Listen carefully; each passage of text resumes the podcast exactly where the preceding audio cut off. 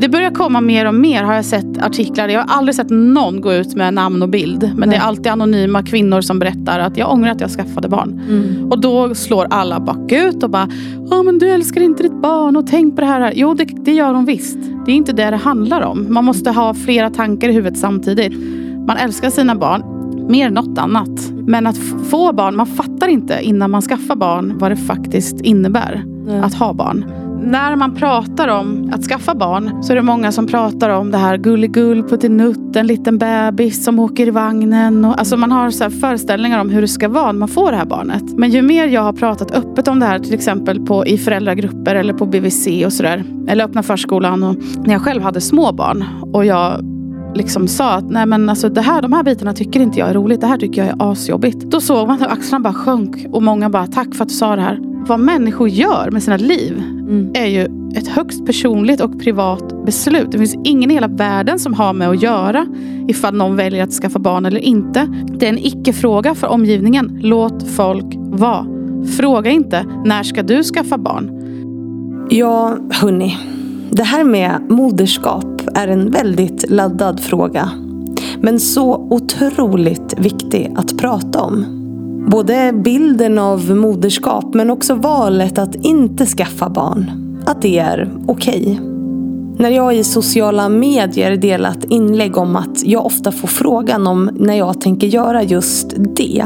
Eftersom jag ändå är i den åldern så har det väckt mycket känslor. Jag kan bli så frustrerad över att människor utan att ens fråga om jag ens vill ha barn bara antar att det är nästa steg i mitt liv. Och jag är inte ensam. När jag pratat om de här sakerna får jag hundratals meddelanden från kvinnor som känner igen sig och som är trötta på att känna den pressen. Människor måste få göra egna val. Men det är inte helt lätt när det finns en förväntan utifrån att man ska göra på ett visst sätt för att det är normen.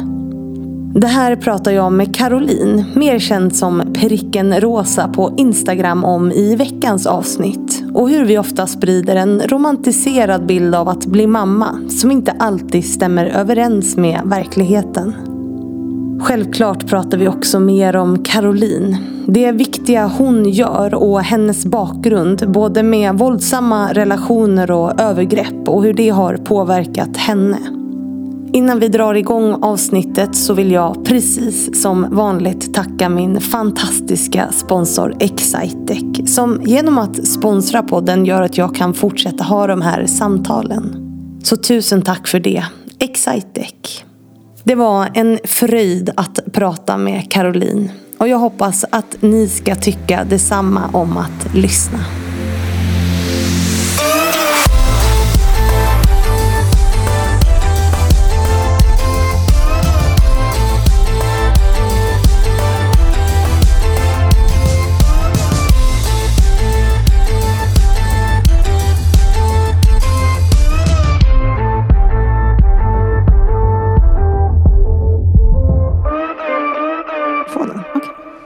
För att jag inte ska höras i din mick och så vidare. Mm.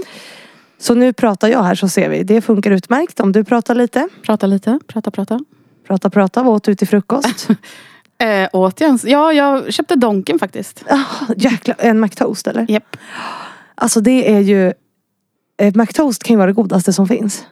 Kommer du ihåg när de gjorde om dem till något nytt? Ah, och tog bort. Alltså jag, vet du, jag var en av de som ringde till kundtjänst och mejlade. Jag var så jävla arg. För jag, för jag, eh, det är så, det, det, liksom jag. När jag levde med mitt ex i Karlstad så åkte vi till Uppsala varje, i början på varje vecka. Eh, för att han jobbade där. Och då hade vi som rutin att jag släppte av honom, vi körde från Karlstad typ fem på morgonen och så släppte jag av honom på hästkliniken i Uppsala. Och sen åkte jag till McDonalds och köpte frukost till oss. Kommer dit och det finns ingen McToast. De har bytt ut det mot något äcklig skit. Alltså jag var så arg. Alltså, då mejlade jag kundtjänst och ringde. Det var nog ganska många för de var inte speciellt lång eh, Nej, gör om, gör rätt kom den bild sen. Ja, för de, jag köpte en så här, ja, men jag ska ge en chans och bara nej, Nej. vad fan är det här? Det var ju något, nej det var inte bra, det var inte bra. Nej det var inte bra. Nej. Ja, men vad härligt, det här får vara kvar i, i podden tänker jag. För det här var ett så kul, så kul intro. Och så måste du, nu, titta nu gör du så, nu vrider du. Eh, jätteroligt intro. Jag säger ju alltid att jag gör eh, så konstiga intron. Eller att det är så här, alltid samma. Mhm. Det här var ju verkligen inte samma. Nej. Om en McToasten. Jag som vanligtvis vegetarian, men eh, det är något annat. Stockholms vegetarian. Man behöver inte vara så konsekvent. Nej, nej, man gör det som man mår bra av. Precis. Varmt välkommen hit Caroline. Och det är så kul, för att det har vi sagt nu, att eh, det är inte så många som vet vem Caroline är. Många vet ju vem pricken rosa är, som ju är ditt Instagramnamn. Mm. Men där har ju du varit väldigt anonym. Ja. Av en slump, eller det har varit en strategi va? Det var medvetet. För att dels, jag ville liksom inte ha fokus på mig. Nej. Och eh, jag ville inte att... Ja men det var också lite sådär att jag inte ville ha massa liksom eh, hot eller hat och sådär på köpet riktat Nej. till mig som person. Men mest var det att jag ville ha fokus på det jag skriver. Mm. För du, du jobbar ju mycket med att driva opinion och liksom öka kunskap i, i sociala medier på Instagram. Mm. Framförallt om mäns våld mot kvinnor men också om ätstörningar. Och du har ju liksom vidgat din, din scope lite grann Mm. eh, på Instagram, eller hur? Ja, det känns som att jag liksom behovsanpassar lite grann. Alltså, Mm. Får jag mycket DM om någonting eller man ser, det händer någonting här nu om ja, men, kroppspositivism eller sådana Mm. saker. Att så här, nej, men det är viktigt att lägga fokus på det här nu och, och, och berätta att ännu en person berättar. För att ju fler som berättar och ju fler som visar upp Mm. desto fler kommer ha någon att relatera till och känna sig mindre ensamma. Mm. Och då känns det viktigt att kan jag bidra med det, ja men då gör jag det. Men från början var det nästan bara mäns våld mot kvinnor. Hur kommer det sig att du startade det här Instagramkontot? För du har ju inte haft det så länge och ändå blivit väldigt, väldigt stor väldigt fort, eller hur? Ja.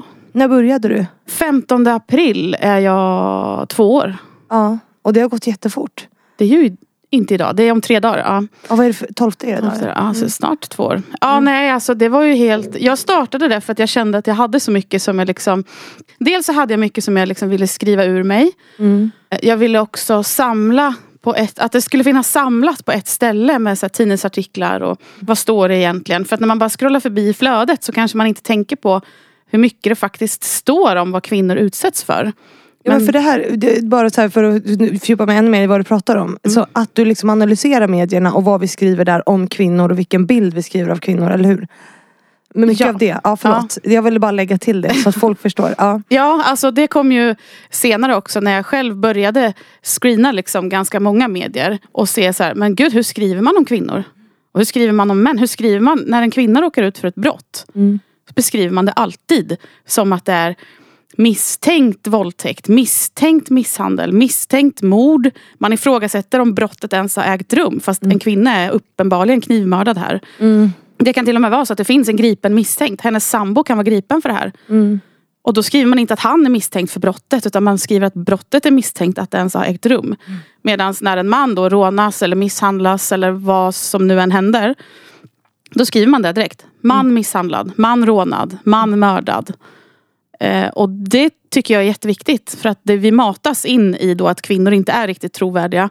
Inte ens när de har blivit mördade så kan man tro att det är ett mord förrän det finns ett juridiskt beslut om det. Och att kvinnor inte är lika viktiga på något sätt. Precis. Alltså mindre värda eh, Ja. på något sätt. Hela den retoriken är ju helt skev. ja. Hur, alltså hur, varför väcktes det här intresset för dig att börja analysera det här? Vad var det första inlägget? Kommer du ihåg det? Eh, Det är en tidningsartikel om någonting. Alltså någon, eh, jag vet inte men det är någon print från typ Expressen eller någonting. Mm. Som är om någon man som har begått något eh, ja, våldsbrott mot en kvinna. Mm. Och som sagt det var väldigt mycket sånt. I början då var det nästan bara printar på tidningsartiklar. Men varför började du med det? Alltså, jag tänker att så här, du måste ha börjat i någon form av frustration från början. Tänker jag. Alltså jag har ju själv levt i en destruktiv, eller destruktiva relationer och varit Mm. utsatt för våld av män. på många olika sätt. Och jag tycker att det är viktigt att belysa dels att det sker och att det kan ske någon som... Eh, alltså det var väl ingen som visste kanske hur, hur utsatt jag var. Eh, men att det finns där och att man behöver eh, tro på kvinnor som berättar. För när man väl berättar då har det oftast gått väldigt långt. Mm. Eh, och när man lämnar så behöver man stöd. Eh, om man ens kan lämna. Det är inte självklart. Och att brottsoffer. Det är viktigt att inte ha en bild av hur ett brottsoffer ska vara. Till exempel, man tänker så här, oh, hon har blivit våldtagen, hela hennes liv är förstört. Fast det kanske inte alls är så. Nej. Jag har också blivit våldtagen flera gånger men aldrig egentligen reflekterat eller mått så här, varit förkrossad i det eller liksom jag har tagit det ganska bra. Jag har ju ofta, eller flera gånger inte ens förstått att det var en våldtäkt det handlade om till exempel. Så är det för väldigt många. Hur kan ett sånt scenario ha sett ut för dig? Alltså att när du inte har insett att det har varit en våldtäkt. Ja, alltså det var till exempel ett tillfälle, då hade jag, det här var många, många, många år sedan. Men då hade jag blivit eh, dumpad av min pojkvän som jag hade då. Mm. Ganska brutalt. Alltså så här, ja. Så jag var jätteledsen, så var jag ute med några kompisar och festa. Svaret på allt, ut på krogen. Jaså, då. Ja, och då hade vi eh, efterfest hemma hos mig, för jag hade egen lägenhet. Så vi hade efterfest. Så var det en kompis där som hade en kompis med sig som jag inte kände men jag visste vem han var. Mm. Och han var en sån här, du vet, snygga killen, får alltid massa tjejer och ja, en sån så här, poppis innekille typ. Mm. Och så blev jag ledsen igen när vi var där och sa, "Ja, men nu får ni gå hem. Jag vill bara gå och lägga mig. Och då sa han så, nej men jag stannar och tar hand om henne, det är lugnt. Och då tänkte jag att ja det är säkert lugnt eftersom han såg ut, det är så här, du vet, hade sin image. Snygga killen. Eh, men... jag, Trevlig och städad på något sätt. ja men precis. Mm. Så här gymmig och du vet, Mm. fräsch, trevlig, snäll. Oj vad schysst att han vill stanna kvar här och snacka med mig om det här hemska uppbrottet. Mm. Eh, och eftersom han då var kompis med mina kompisar så tänkte jag att det verkligen var lugnt. Men eh, sen när alla hade gått så, så gick vi och la oss och jag ville ju bara sova. Men ja, då började han typ hålla om mig och liksom så här fippla och pilla och grejer. Och jag bara så här, nej men alltså det här var inte vad jag ville. Det här är absolut inte vad jag ville. Mm. Jag är bara liksom ledsen. Låt mig vara typ. Men han fortsatte och till slut så hände det här som är så himla viktigt att prata om. Att man bara fryser. Mm. Att kroppen bara stänger av. Man kan inte prata, man kan inte röra sig, man kan inte göra någonting. Jag blev bara helt stilla och då våldtog han mig. Jag såg det som att han hade sex med mig. Mm. Fast jag inte riktigt var med på det. Och så var det inte mer med det. Men sen det gick flera år. När jag liksom, och jag sa ju ingenting om det där. Och jag tror helt ärligt än idag att han fattar inte att han begick en våldtäkt den kvällen. Mm. Jag tror faktiskt inte det. Men jag förstod det senare. Alltså, det, och det är det här jag menar med att det är så otroligt viktigt att prata om de här sakerna. För att det här händer tjejer än idag som inte förstår att de blir våldtagna. Och då tänker man så här, men varför är det viktigt att förstå? Kan man inte bara leva i att man Bara gå vidare och... går vidare? Ja precis. Ja. Men det handlar ju om att hur ska, vi, hur ska vi få män att respektera kvinnor om vi inte pratar om att det de gör är ett brott Mm. och en kränkning av deras kroppar. Och Jag tänker det, alltså om, enligt statistiken så begås det ju en våldtäkt i timmen och det är ju det som anmäls, eller hur? Mm. Tänk då hur mycket våldtäkter det begås. Ja. Det är helt sinnessjukt. Det är ungefär 20, mellan 10 och 20 procent av de våldtäkter som begås som anmäls enligt Brå. Mm. Och då kan man ju verkligen tänka sig. Och de allra flesta sker ju i nära relation, alltså av någon man känner. Mm. Det är inte de här liksom, gubbarna i busken på stan. Utan det sker hemma, där man ska vara trygg. Nej, så de här en våldtäkt i timmen kanske inte är sånt som anmäls utan det är det man uppskattat utifrån. Jag är osäker på det, statistiken.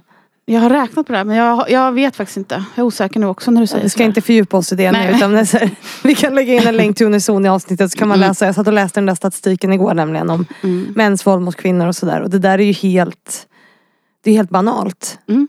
Och, och där kommer det in, vi har ju samtyckeslagen men jag hade ju, jag har en systerdotter som är 14 och jag frågade henne, vad pratar ni om på sexualkunskapen? Pratar ni om samtycke och, så här, och sex och så? Nej.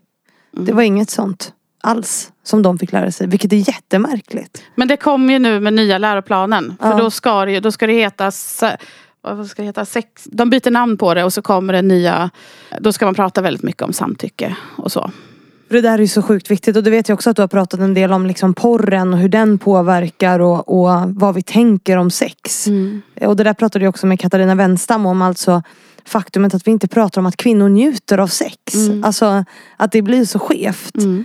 Man, för det blir ju också så här, hur ser man på en, en kvinna då som ligger still?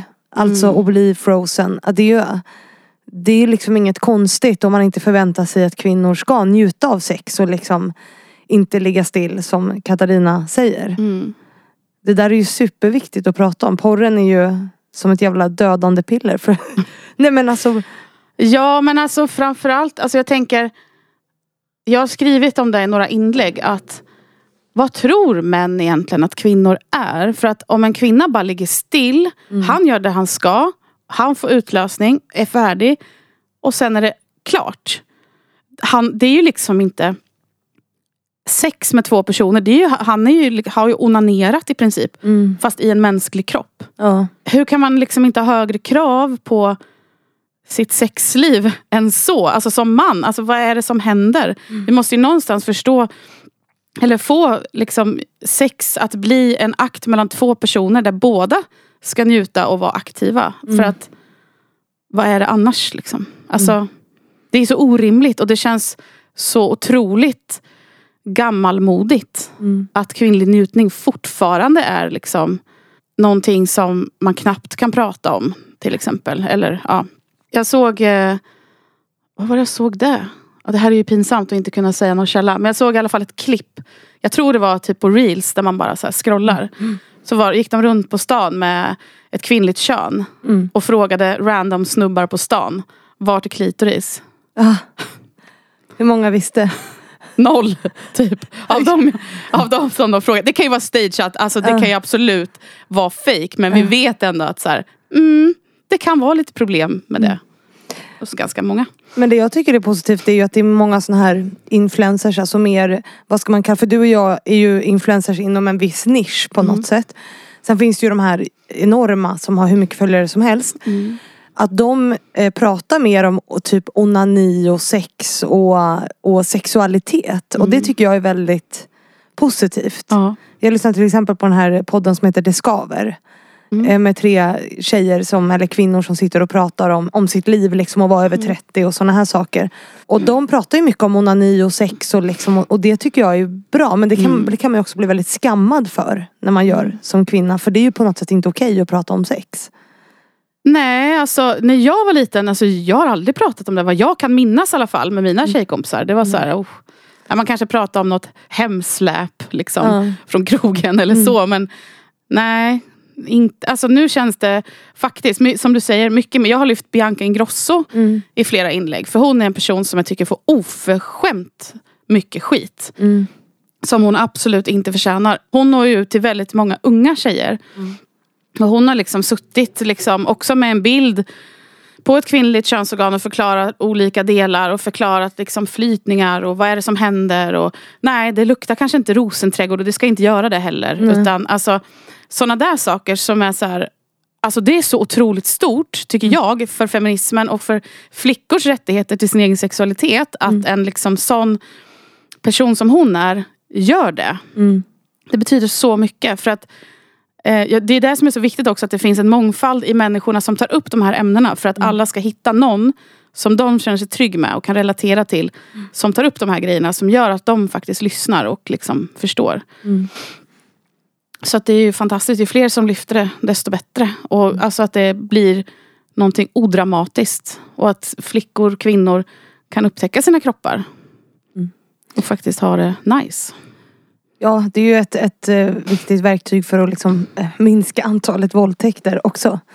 Eh, faktiskt. Att prata om kvinnors njutning och kvinnors sexualitet. I tidig ålder. Absolut. Det sa jag till min systerdotter som är 14. Du vet att sex ska vara skönt. Hon håller på att dö liksom.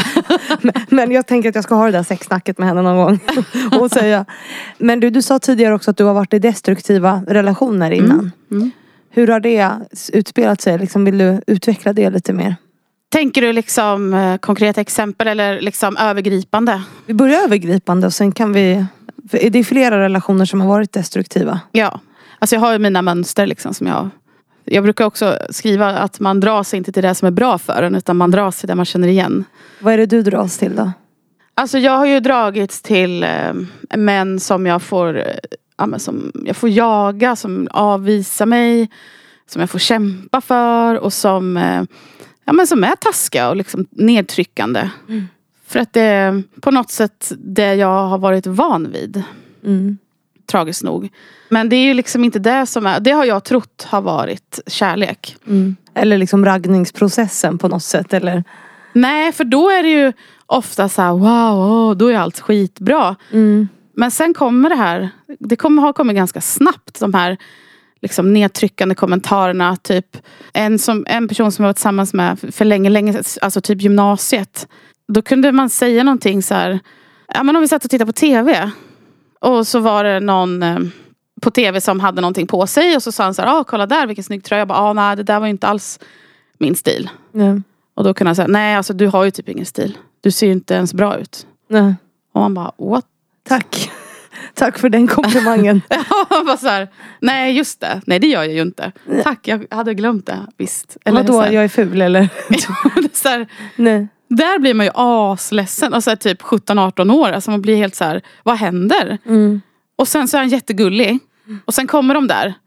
Så här, det börjar ganska litet och sen så blir det ju värre och värre. Och sen, jag har alltid undrat varför de här snubbarna ens har velat ha en relation med mig. När de liksom ja, haft andra vid sidan av. Det har bara varit krångligt. Det, det har varit mycket bråk. Och, alltså, Jag har inte riktigt förstått vad de, eh, hur de har kunnat se det här som något meningsfullt egentligen.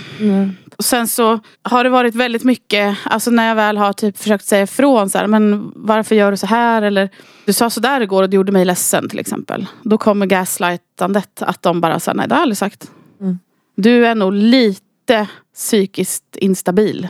För du inbillar dig saker nu, vet du. Och man bara, mm, ja det kanske jag gör nu när du säger det. Och så är man där liksom. Varför tror du att de var med dig då? Alltså för i stunden säger du att du inte förstod liksom varför de ens, eftersom ni bråkade mycket och de nedvärderade dig och tyckte du var ful typ. Alltså, förlåt men nu generaliserar jag men det är det jag... Ja. Varför var de med, med dig tror du? ja, det är det jag inte förstår. Varför la de inte sin tid på någon annan? nu i efterhand? Heller. Du har du funderat på om det var att du gick och kontrollerade dig eller att det var... Ja, någonting måste det ha varit som liksom närde de här. Men de kanske också var skadade och tror att det är så här kärlek ska vara. Mm. Ingen aning. Jag hoppas dock att de lever ett lyckligt liv idag och har liksom sunda relationer. För hur många sådana relationer har du varit i? Oj. alltså, ja det är väl två som jag liksom kommer ihåg. Nej, tre är det som jag kommer ihåg som är som har satt liksom djupast spår. Med liksom psykisk misshandel där de har brutit ner dig liksom Ja. på något sätt. Ja. Hur blir det då? Jag tänker att blir det lätt att man lägger skulden på sig själv? Oh ja. Att du, du har tänkt att det här är mitt fel att jag blir utsatt för det. Mm. I och med att alltså, du har haft tre relationer som har varit, då, då tänker jag att det blir en automatisk reaktion. Hur har du tagit dig ur det? För- för- har alltså- jag tagit mig ur det? Nej jag vet inte. Jag tänker att det någonstans har börjat med att någon har sänkt ditt eget, eget värde och att du Alltså att det är ju inte ditt fel utan Mm. någon har ju sänkt ditt eget värde och sen så har du tänkt att det här är det jag förtjänar, det är så här en relation ser ut. Eller har jag fel? Nej, det är helt rätt. Men grejen är att jag kan inte gå in på det. Nej. För då kommer man direkt förstå vem det är som har gjort det. Så Ja. att, Du Eh, behöver inte gå in nej. på det men jag tänker så här, hur tog det ur det? Alltså jag har nog inte riktigt, eh, alltså jag har fortfarande en ganska, även om jag har fler starka dagar än svaga dagar.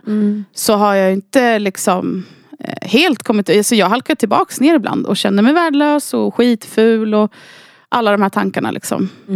Eh, vilket jag också tycker är viktigt att lyfta för att om jag går ut, liksom, jag skriver ju väldigt öppet om det på mitt konto när jag pratar om mina ätstörningar och min kroppsbild och sådär. Att Skulle jag gå ut och vara så här, woho!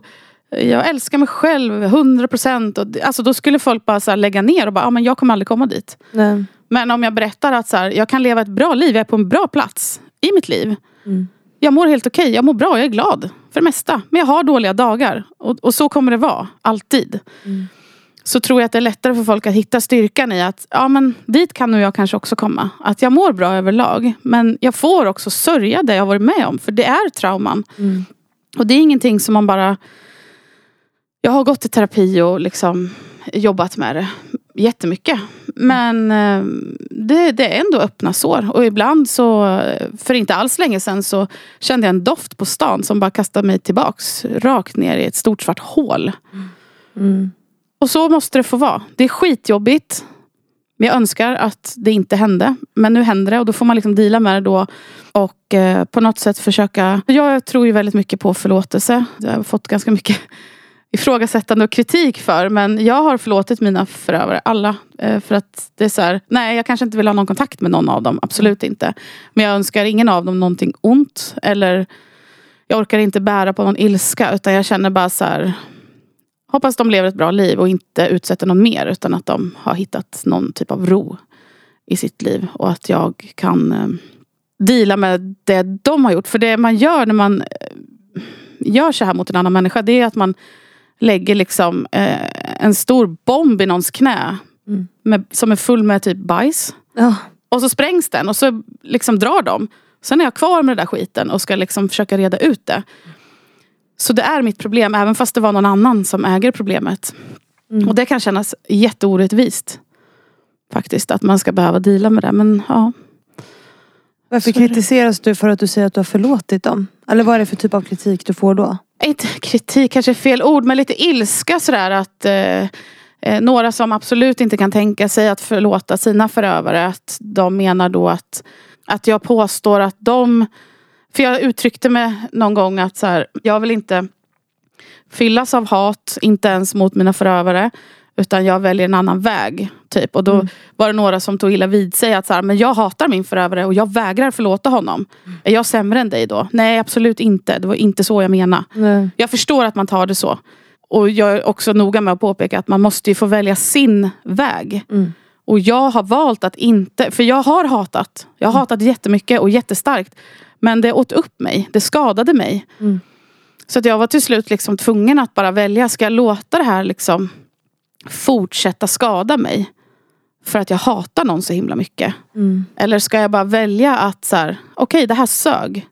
Jag kan hata det som hände. Och sen försöka att bara så här, nej men jag förlåter dem. Det är okej. Okay. Det här har hänt, nu går jag vidare. Liksom. Och det har hjälpt mig. Men om man inte känner det, då ska man absolut inte göra det. Det är inte så att jag försöker vara en polis och tala om hur andra ska göra. Utan man måste liksom se till att ta hand om sig själv. Hur ska jag må så bra som möjligt? Om det är att hata din förövare, gör det. För mig var det inte det.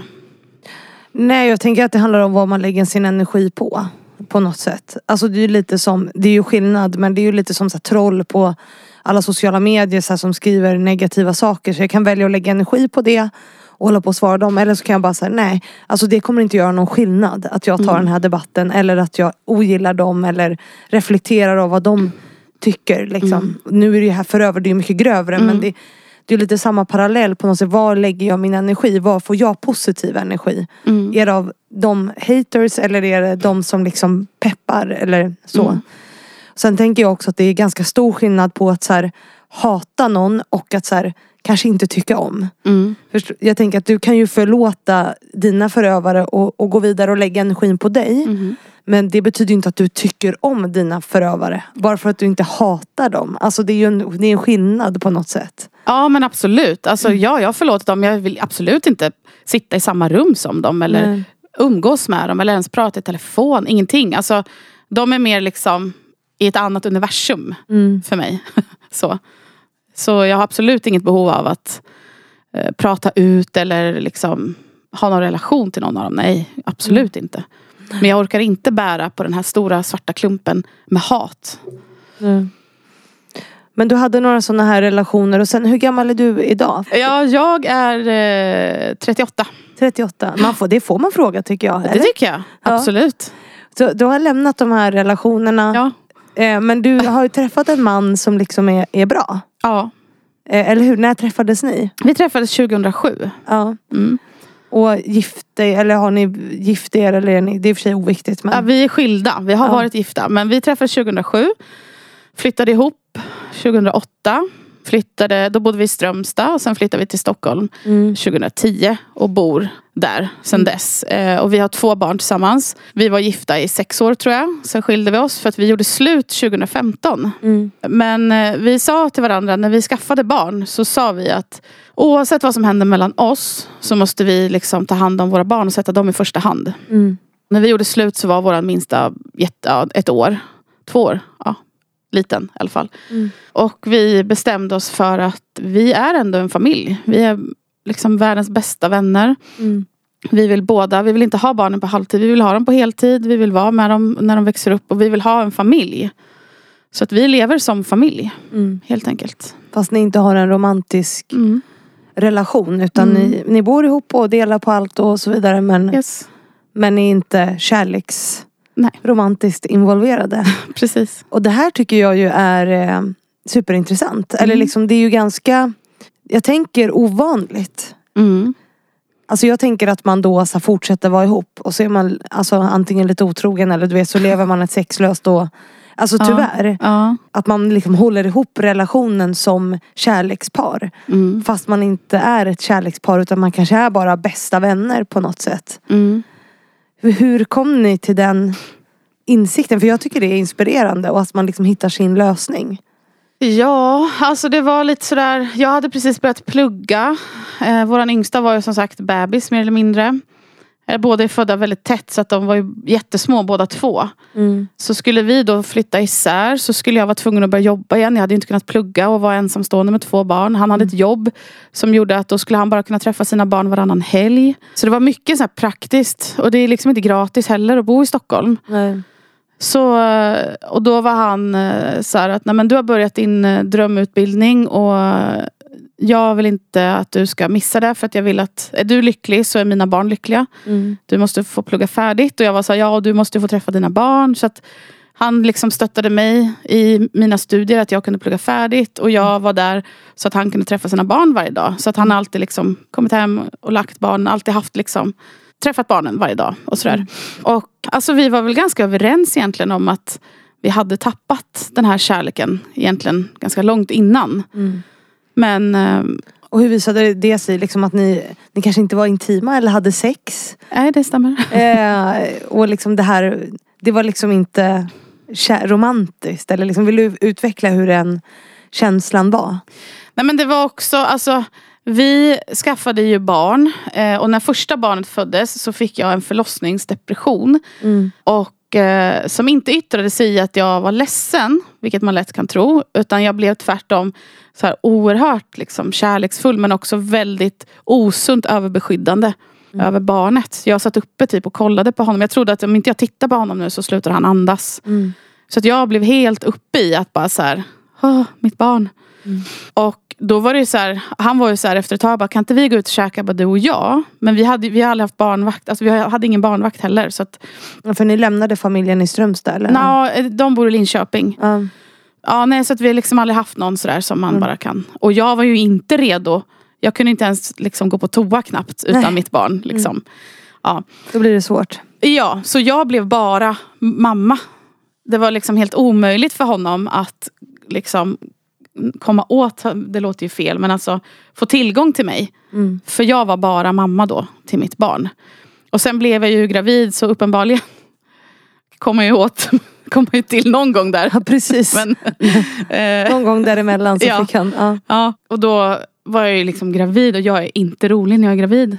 På något sätt överhuvudtaget. Mm. Men eh, ja, och då kom hon. Då var ju liksom våran äldsta hade inte ens fyllt två. Och så föddes hon och hon gallskrek ett helt år. Alltså hon var helt galen när hon var liten.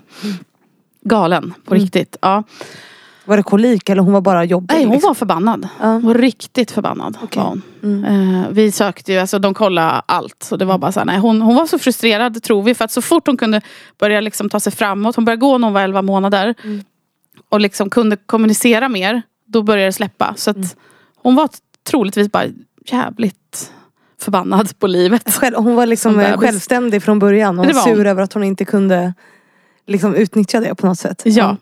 För att de är ju bara kolli när de är sådär små. Alltså förlåt. Ja, men, det är ju så. Det är en liten typ grönsak med kläder på sig. ja. Så då var det också så totalt kaos och jag mådde skitdåligt då. För jag fick ju, hon gallskrek om, inte, om hon var på mig och vi typ hade ögonkontakt och jag pratade med henne.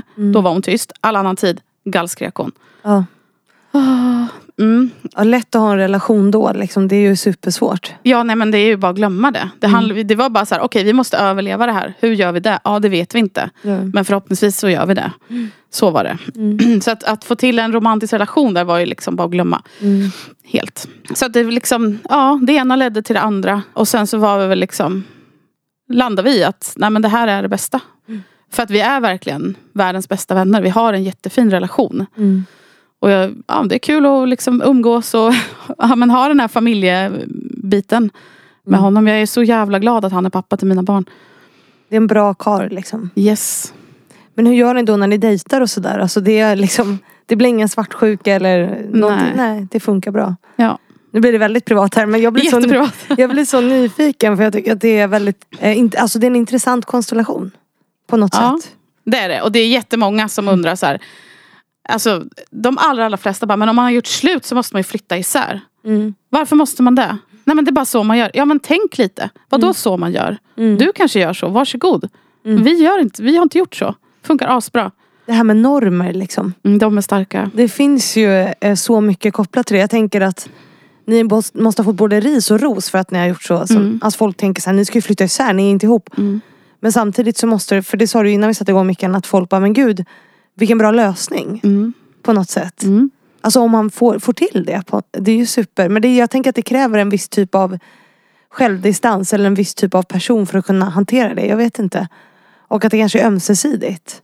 Jo men det är väl det viktigaste och alltså, vi har ju aldrig liksom vad ska man säga, vi har varit överens om det och det är ingen som har liksom varit otrogen eller svikit den andra. Eller liksom, Det är klart att det inte funkar om man har haft ett sopigt förhållande innan. Men för oss har det funkat jättebra och typ alltså när vi har dejtat nu och, ja, så har man ju liksom, så här, nej men man drar ju inte hem någon. Nej, Eller så här, det blandar känns in ju lite barnen. respektlöst. Eh, ja. Ja. och lite stelt kanske. God morgon. ja, förlåt. Hallå! Ja, det Ja. känns ju lite märkligt kanske. Precis. Så att man får liksom Om det nu är där man vill lägga sin tid på så får man ju göra det. Mm. Och det är också väldigt skönt att vi inte har det här varannan vecka utan vill han vara iväg någonstans, ja men då kan jag vara hemma med ungarna och sen är jag iväg så är han hemma. Alltså att vi, vi har ju en stor frihet i att vi alltid liksom stöttar varandra och ser till att vi kan vara iväg och göra andra saker. Liksom. Mm. Superviktigt.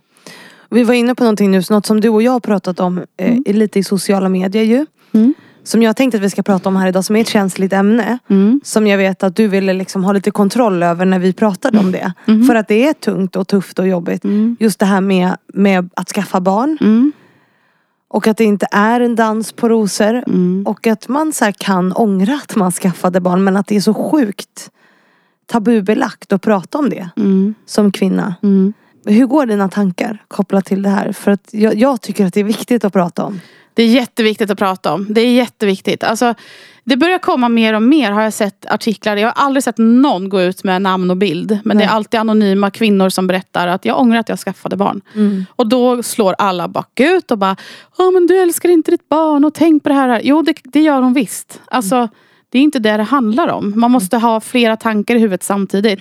Man älskar sina barn mer än något annat. Mm. Men att få barn, man fattar inte innan man skaffar barn vad det faktiskt innebär Nej. att ha barn. Eh, det är det största i livet. Men det kan också vara det jobbigaste i livet. Mm. Alltså, som sagt, jag fick en unge som skrek ett helt år. Det var inte kul. Nej. Ingenstans var det kul. Alltså jag älskar henne, verkligen. Jag älskade henne då också. Men, men det året är typ en minneslucka och ett trauma. Mm. För att det var så fruktansvärt jobbigt. Och alltså, när man pratar om att skaffa barn så är det många som pratar om det här gulligull, puttinutt, en liten bebis som åker i vagnen. Och, alltså man har så här föreställningar om hur det ska vara när man får det här barnet. Mm. Men ju mer jag har pratat öppet om det här, till exempel på, i föräldragrupper eller på BVC och sådär. Eller öppna förskolan. Och, när jag själv hade små barn och jag liksom sa att nej men alltså det här, de här bitarna tycker inte jag är roligt. Det här tycker jag är asjobbigt. Mm. Då såg man hur axlarna bara sjönk och många bara tack för att du sa det här. Jag tycker också det. Åh vad skönt. Och då bara bubbla, Det gör inget. då bara bubblar det liksom ur andra kvinnor. Att säga det här är skitjobbigt. Varför var det ingen som sa det här? Ja, varför var det ingen som sa det här? Varför pratar vi inte om det som faktiskt är jobbigt och svårt och tufft och utmanande? För det som händer när vi inte pratar om det, det är att kvinnorna skuldbelägger sig själva. Mm. När jag var gravid med mitt första barn så fick vi en kurs. Eh, Man skulle gå en föräldrautbildning via mödravården. Och då var det någon bit om eh, förlossningen och någon bit om typ tiden efter. Och vad det nu var. Jag kommer inte ihåg exakt. Men då satt man där så här, mammor och papper. Bara. Den var ju heteronormativ. Utgick ifrån att det var en mamma och en pappa också. Den här eh, utbildningen. Och då var det typ så här, ja förlossningen, det går till så här. Det går till så här, på riktigt. Som att man kan tala om hur en förlossning går till. Nej. Den kan gå till på en miljon olika sätt. Ja. Men när man talar om att så här går en förlossning till. Då har man satt en norm. Mm. Och de som, min förlossning gick absolut inte till så. Eller ingen av mina förlossningar. För jag har haft raketförlossningar. Första tog drygt två timmar. Den andra tog 55 minuter. Hon flög ut. Jag kryssade inte ens med henne. Hon bara rann bara. Så här, liksom. Ja, Ja. precis. Det var hon som var så självständig. Ja, Hon var liksom... Hon var liksom bestämd från början. Hon skulle ut bara. Japp, Ja. det var Ja. inga Hon gjorde det på egen hand. Precis. Ja. Så även, och jag har inte gått sönder. Alltså jag har haft på pappret världens mest fantastiska förlossningar för de gick fort. Mm. Självklart, det gjorde ont som fan men det gick jättefort. Jag har inte gått sönder, jag har inte fått några men, inga komplikationer. Barnen har mått jättebra. Mm. Fast jag mådde jättedåligt. Jag fick en jättesvår kris efter min andra förlossning. För att Mm. den första gick så himla fort.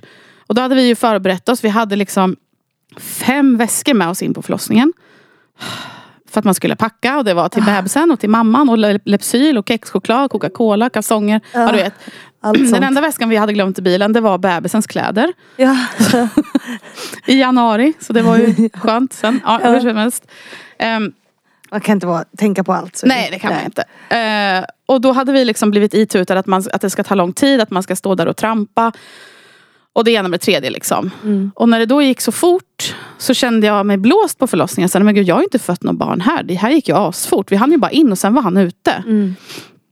Då var jag jätteledsen. Och sen med min andra så stod jag, jag blev igångsatt med henne. För att jag hotade med att hoppa från en bro. Om de inte satte Okej. igång mig. Ja, För att du var så trött på att vara gravid eller? jag var så fruktansvärt trött på att vara gravid. Och min första kom i vecka 37. Så han var ju lite tidig. Mm. Och när jag hade passerat, när han föddes, då gick jag ju på övertid med henne. Så jag blev igångsatt veck- i vecka 40. Mm. Som jag som sagt fick hota mig till med Ja. ett självmord. Ja. Var rimligt. Man tar till alla, alla medel som går.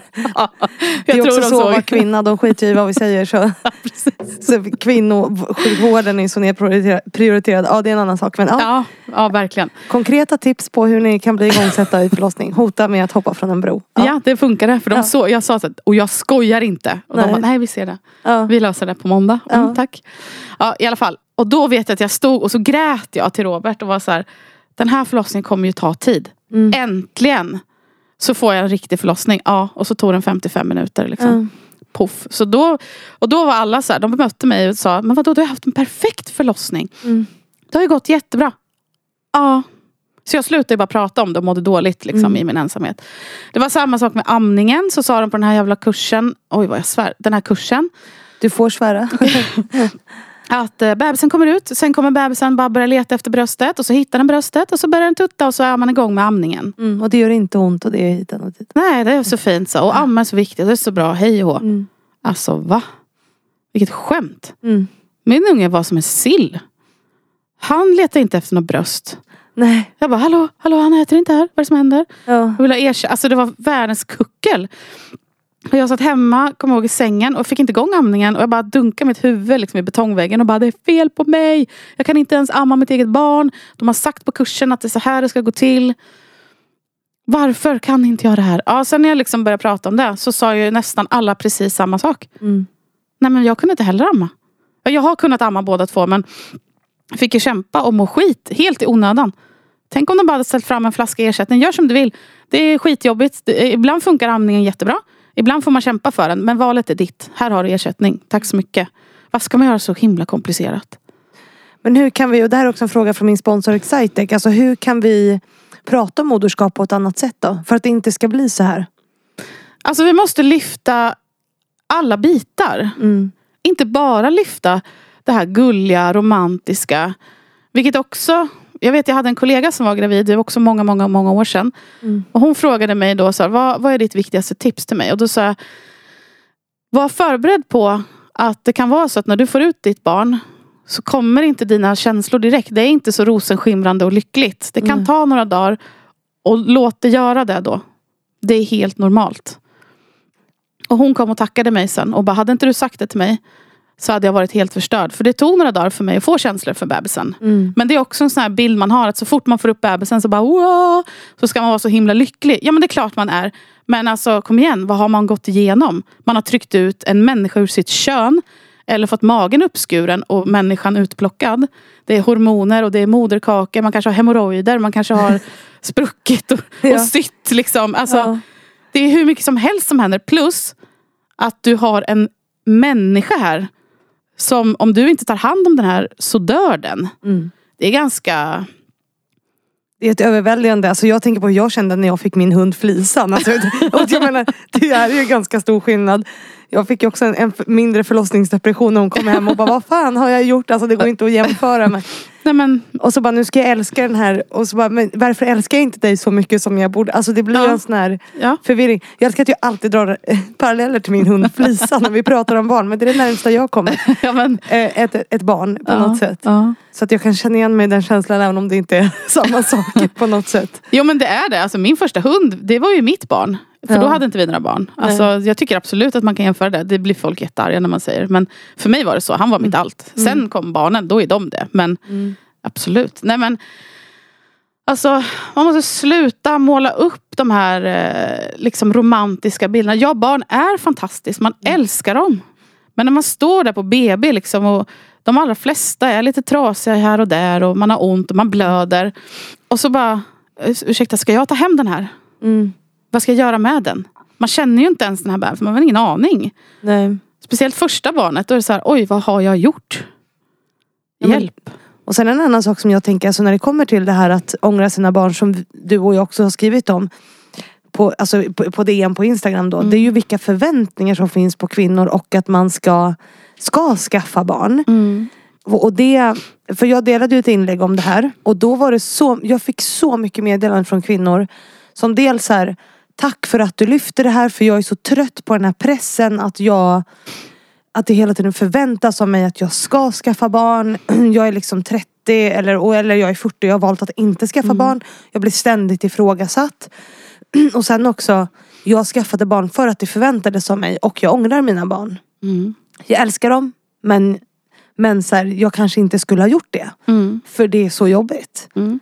Men man gör det bara för att det här, är- det här är liksom nästa steg i mitt liv på något sätt. Mm.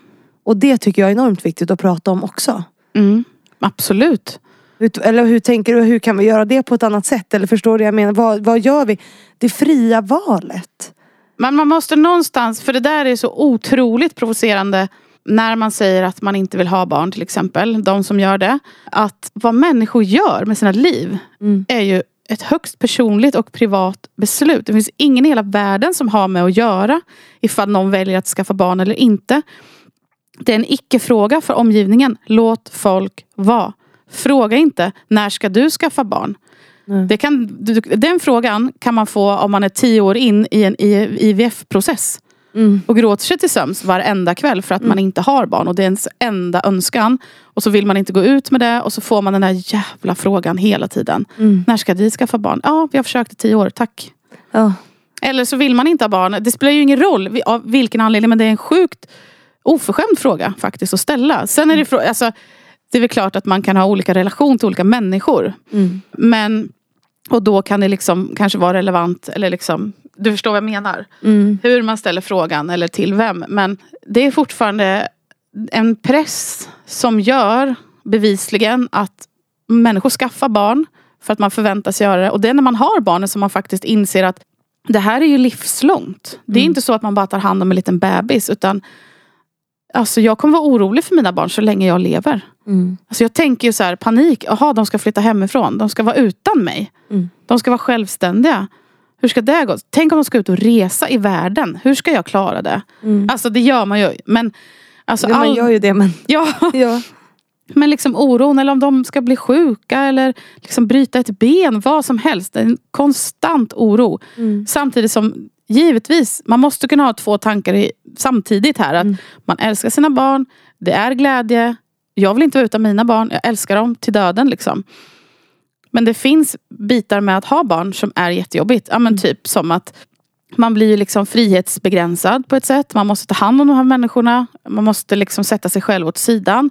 Man får kanske inte ens gå på toaletten i fred på tio år. Nej. Så det kan vara jättepåfrestande. Mm. Vi har som sagt eh, ja, vi hade barnvakt första gången när vi födde liksom, syskonet till exempel. Alltså, vi har haft barnen runt oss hela tiden. Vilket känns jättefint, fantastiskt men också jobbigt Mm. såklart.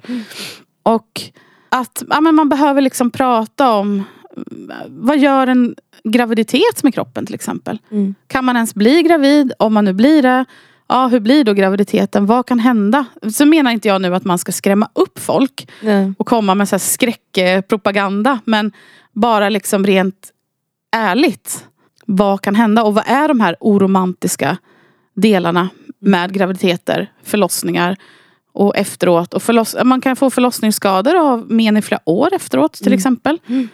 Och då som kvinna så är det nedprioriterat i vården så man får vänta i hundra år innan man blir Alltså jag har en kompis som har väntat flera år på att få fixa sina förlossningsskador. Mm. För att det är så nedprioriterat. Ja. Mm. Yes. Förlåt, det var bara en inflik. Nej, men Vad- det är vad så. Pick, vad pick det här blev. Åh, våren är här. Ja. Vad glada vi är. Nej, men jag pratade med en kvinna som eh, blev totalt söndertrasad med sitt första barn. Så att hon kunde inte gå på toaletten ordentligt. Nej. Och de vägrade korrigera det. För att så här, det gör vi när du är klar med barn. Ja. Aha, okej. Och vad gör då någon slags förlossningsko eller vad kallar man det? Avelssto Ja, typ. eller jag vet inte vad man säger. Mm. Är du verkligen klar? Ja, då ska man kissa på sig i, i sju år eller vad är tanken då? ja, det är ju det som är tanken. Ja. Typ. Alltså jag vill verkligen att man ska vara mer ärlig Mm. med eh, vad det faktiskt innebär. Och att så här, eh, man kan trycka ut en unge Mm. och så tänker man att man har den här ungen lite grann. Mm. Och så tänker man inte på att, ja fast vad innebär det? Liksom. Jag har träffat kvinnor som säger att jag älskar mitt barn. För det måste man säga. Mm. Man gör ju det. Men man måste verkligen vara noga med att poängtera det. Och sen säger de, men jag ångrar att jag skaffade barn. Mm. Hade jag vetat vad det innebar att ha barn så hade jag avstått.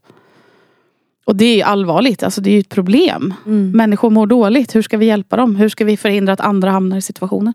Ja, och att hur får man liksom Får man människor att ställa sig frågan Jag gör det här för att det är någonting jag vill Eller för att det är någonting som förväntas av mig Mm. Alltså att jag, för jag, menar, jag vet inte hur många gånger jag får den frågan Ska inte du skaffa familj? När ska du träffa någon? Man bara, men så här, Alltså fuck off, jag älskar mitt liv Jag är så nöjd I don't need a man to make me happy. Nej jag skojar, jag började nästan sjunga här men det vill ingen höra. Men, men och att det blir en så här fråga och att det är lite så här märkligt. Bara, du är 32 och singel och lever ensam med din chihuahua i stan. Liksom. Ja, och jag är så lycklig. Aha. Låt mig vara det. Mm.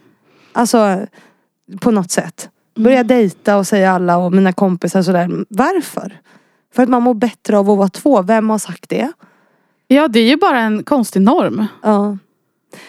Ja, eh, verkligen. Och, och så vi har spelat in superlänge nu och pratat om, om, om jätteviktiga frågor. Men det, det finns ju på något sätt, innan vi avrundar det här avsnittet. För nu känns det som att vi liksom bottnade i, i ett väldigt viktigt ämne som jag tror kommer väcka mycket känslor och som är viktigt att prata om. Mm. Men jag vill ju veta vad du jobbar med. Aha!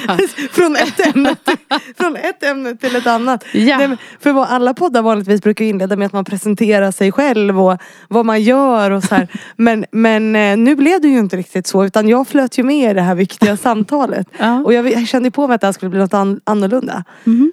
Men ve- vem är du utöver pricka rosa att du driver de här frågorna? Vad jobbar du med? Du säger att du har pluggat. Ja, alltså jag är ju lärare. Ah, ja, mm. Yes. Så att jag är lärare för barn på mellanstadiet. ja. Mm. okej. Ja. Jag, jag, jag hade någon så här känsla av det. Mm. Att du, att du gjorde det. Men visst är det ingenting som du har pratat om heller innan? Eller har du nämnt det i något inlägg någonstans kanske? ja, kanske någon kommentar eller så. Men jag har varit lite hemlig. Alltså, Ja. Just för att inte lägga så mycket fokus på mig. Ja. Ja. Blir du nervös nu? Ja, du börjar lite. stampa lite med benen. Jag tycker ändå att det är intressant att du eh, att du inte har gjort det. Men jag blir så nyfiken på vad du jobbar med. Och det, är, jag, det gör ju mig jätteglad att du är lärare. För då kan ju du liksom ta med dig eh, det som du driver in i din utbildning. Eller hur, hur får du göra det? Alltså, som lärare så ska man ju 100% förhålla sig till eh, läroplanen och Ja. skolans styrdokument, alltså skollagen och läroplanen. Men ända sedan jag började med det här Instagramkontot så har jag valt att allt jag lägger upp där kan jag koppla till läroplanen. Just för att det inte ska bli någon krock med min eh, yrkesroll och det, även, det är min fritid, jag får lägga upp vad jag vill. Men jag vill också, jag står ju för läroplanen och dess innehåll. Mm. Och jag vill inte lägga upp någonting som strider mot den. Så att där jag lägger upp har jag liksom förankrat i Mm. läroplanen. Alltså till exempel alltså, jämställdhet. Mm. Så det är inget konstigt så. Ehm, däremot så att jag blev just lärare har att göra med att jag själv hade det väldigt tufft i skolan. För att Mm. jag var flicka. Jag var inte söt, tyst och stilla. Utan jag pratade oavbrutet och var lite stökig sådär. Mm. Eh, inte som en typisk flicka och blev väldigt hårt utsatt av lärare. Jag hade fantastiska lärare också. Mm. Men de, jag hade också de som var riktigt elaka. Inte bara mot mig. Alltså det var väldigt många barn som blev dåligt behandlade när jag gick i skolan. Och som har mått väldigt dåligt. Och jag fick höra att jag var så himla dum och korkad. Och, fast jag var skitsmart. Jag hade, det var absolut inget fel på mitt liksom, oj, läshuvud. Eller vad man säger. Jag hade bara svårt att sitta still och då tyckte de att jag var korkad. Så därför tog det väldigt många år innan jag pluggade. Eftersom jag var liksom övertygad om att de hade rätt. Att jag var för korkad. Mm. Men jag pluggade. Jag har aldrig kuggat en tenta. Ingen inlämning, ingenting. Utan jag bara kötta på utbildningen. Och bestämde mig då för att jag ska kliva in i skolans värld och göra allt jag kan för alla barn jag möter. Jag ska aldrig blunda. Jag ska fånga upp alla. Jag ska få alla att må bra. Alla ska få liksom lära sig efter deras förutsättningar. Eh, och eh, aldrig någonsin känna sig dumma eller nedvärderande. Utan de ska bara få växa liksom och få blomma ut. Precis utefter den de är. Så eh, viktigt för vi lägger ju barnens på något sätt självkänsla i, i skolan. Mm. Hur, men hur kommer jämställdhet in i läroplanen idag? Hur pratar ni om det i skolan? Man pratar om det väldigt mycket. Dels så är ju det liksom en fast värdegrund. Som alltid ska, det ska ju genomsyra hela skolans verksamhet. Och eh, I hur man behandlar barnen och sådär. Precis. så? Ja. Sen kommer det in i olika ämnen. Jag har ju till exempel SO-ämnena. Så i samhällskunskap och historia. Som man blickar tillbaka. Hur var det att vara kvinna och man på vikingatiden? Hur var det på medeltiden? Vad skulle du välja? Vad tycker du? Jag hade en pojke en gång i en årskurs fyra när vi pratade om eh, medeltiden. Och då skulle barnen få välja om de ville vara kvinna eller man på medeltiden. Och då säger den här pojken i årskurs fyra. Jag skulle välja att vara man och eh, för att kunna förbättra för kvinnorna. Ja men du ser. Och då började du gråta eller? Nästan. ja, det var så Ja. fint. Men barn är fantastiska. Barn är så fantastiska. När jag möter barn, jag har jobbat nu i skolan sedan 2015. Alltså när man, barn är så himla öppna, de är medvetna. Och när man pratar om olika saker, de har sån jäkla koll. De har redan i årskurs fyra oftast alltså jättebra koll på det här med kvinnor och män. Och de flesta använder pronomenet hen. Mm. Till exempel. När de inte vet vem det är de pratar om. och sådär Som en naturlig del av språket. När man pratar om... Eh, vi kom in någon gång med någon klass om det här med sexuella övergrepp och så. Det var ju lite äldre åldrar, femman kanske. Ja. Och då var det en pojke som sa att så här, ja, eh, men eh, man pratar ju ofta om att eh, tjejer ska akta sig och så. Men hur är det för oss pojkar?